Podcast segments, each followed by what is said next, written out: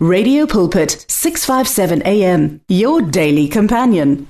Kulohlelo lapho sithi khona mphatlalatsane kungolo sihlanu ekseni mlaleli ngilithathe leli thuba ngikubingelele egameni elihle igama lenkosi uJesu Kristu waseNazareth. Phinde ngibona kubahle enhlapho ukusibusa ke ngaleli thuba. Bahle uNkulunkulu akubusise. Mlaleli sisaqhubeka ke siphethe indaba yethu la sithi khona iziphiwo zikamoya ngokuhlukahlukana kwazo nokuphathwa kwazo mlaleli. Ngaso sonke isikhathi siyadinga ukukhumbuza ngoba abanye bethu sesikhohliwe mlaleli. Sesizenzela ngendlela esithanda ngayo. Nanoma simkhonza uNkulunkulu simkhonza ngendlela esithanda ngayo. Kepha ke siyakhumbuzana ke namhlanje. Sisaqhubeka nendaba yethu laphayana kwaba seKorinthe boqala chapter 14. Namhlanje siyoqala ukufunda ke laphayana kuverse 6. Siza ukuthi izwi laNkuluNkulu lithini, umpostoli Paul uthini. Manje ke bazalwane, uma ngiza kini ngikhuluma ngezilimi, ngiyakunisiza ngani? Uma ngikhuluma kini noma ngokwambulwa, noma ngokwazi, noma ngokuprofeta, noma ngokufundisa na? Ake ngiphinde mlaleli. Manje bazalwane uma ngiza kini ngikhuluma ngezilimi ngiyakunisiza ngani?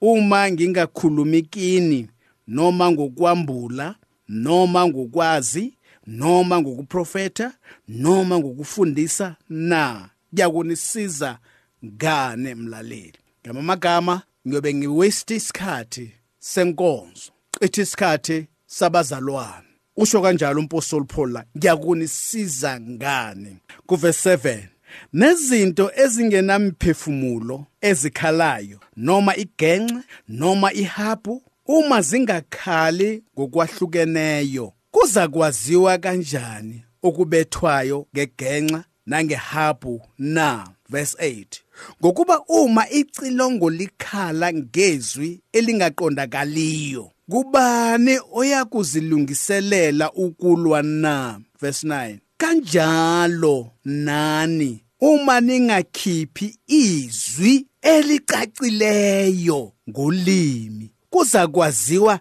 kanjani okukhulunywayo na? Ake ngiphinde uverse 9 mlalelo uyizwisise kahle. Kanjalo nani? Uma ningakhiphi izwi elicacileyo ngolimi kuza kwaziwa kanjani? Okukhulunywayo na? Sakho umsebenzi kaNkuluNkulu sakha umzimba kaKristu. Ibandla leli esikhuluma ngalo akudlalwa lamlaleli. Ngokuba niyakuba nikhuluma emoyeni. Verse 10 kukhona izinhlobo noma zingahle zibe zingaki zokukhuluma ezweni kepha alukho olungasho okuthile. Verse 11 ngakho ke uma ngingakwazi okuqondiwe ngokukhulunywayo kuyakuba ngowezizwe njengokhulumayo. Ake ngiphinde futhi uverse 11 mlaleli uyizwisise kahle.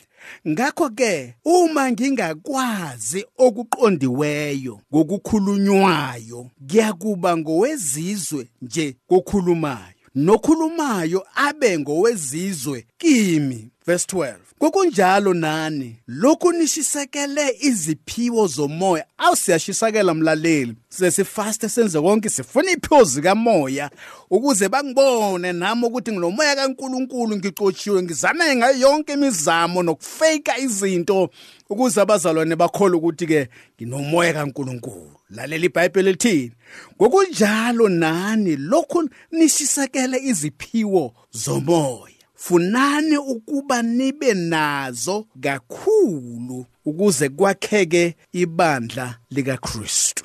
Isipho sikamoya usifunelane emlaleli uma ngukuthi angeke usisebenzise ngendlela efanele. Isipho sikamoya usifunelane uma ngukuthi angeke usisebenzise ngendlela izwi likaNkuluNkulu uvilaphela izwi. Unesiphiwo sikamoya uvilaphela izwi. Kufana nomuntu one driver's license akwazi ukudrive. Usiyabona mlaleli unesiphiwo kepha ukwazi ukusebenzisa ngendlela efanele. Ngaleso siphiwo ulimaza abantu. Uyingozi umuntu onesiphiwo angakwazi ukusebenzisa. Fana nomlilo umentshise muhle kakhulu umlaleli kepha uma ngaba khona ungakwazi ukusebenzisa kungabhubha abantu kungabhubha isizwe kungasha imizi mlaleli. Kepha okwazi ukusebenzisa siyakwazi ukudla sisuthe siphinde sifudumale siphinde silale sivuke semsebenzini ngenxa ukuthi kukhona okwazi ukusebenzisa lo mlilo. Nesiphiwo sinjalo. Siphiwo uma unaso ungakwazi ukusebenzisa. Abantu bayazondana abantu bayabulalana abantu ba eh bahlebana ngenxa yomuntu ongakwazi ukusebenzisa isiphiwo sikamoya. Uyingozi ukuba nesiphiwo sikamoya ungakwazi ukusebenzisa. Kubalulekile mlalo ukuthi sithathe izwi njalo nginesiphiwo sikamoya. Ngithathe izwi likaNkuluNkulu ngilifunde mlaleli. Ngikhuleke nawo uNkulunkulu kuba angisize ukuze lesiphiwo angiphe sona ngisebenzise ngendlela ekahle. Ngakho abantu ngiduduza abantu ukuze umsebenzi kaNkuluNkulu uqhubekele phambili.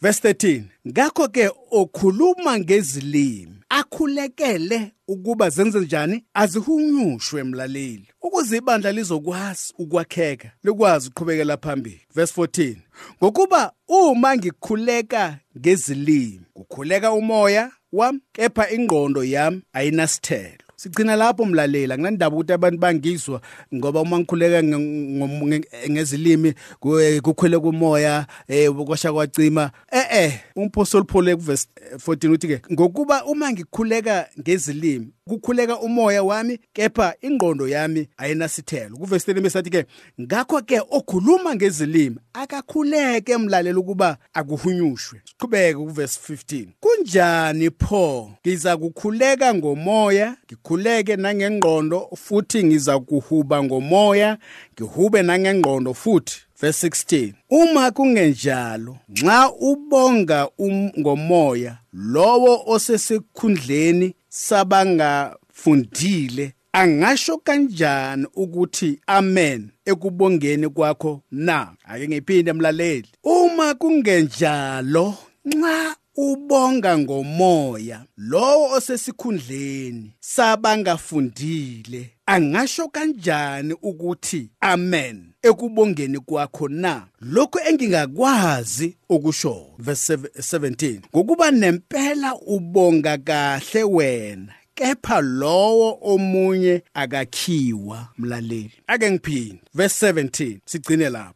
Ngokuba nempela ubonga kahle wena kepha lowo omunye akakhiwa. Akubona ubuselfish lokho? Ngokuba wena ubonga kahle ngomoya kepha okuzwayo akezwa lutho. Umpostoli Paul uzasho kanjani ukuthi amen uma kungekho ohumushayo? Ukuze naye futhi akheke wena ubonga kahle. Kwakheka wena wedwa. Kepha lo omunye ka ngoba naye kumele athi amen ngenxa ukuthi ke uyakheka ngenxa yesikhathi ake sithi kuma la ngithatha intambo ngiphinisele kubahle bahle intambo kwezakho baba yilapha ekhaya mlaleli The words of the Lord are words of life. Your heart is on 657 AM. 657 AM. Radio for believers in action.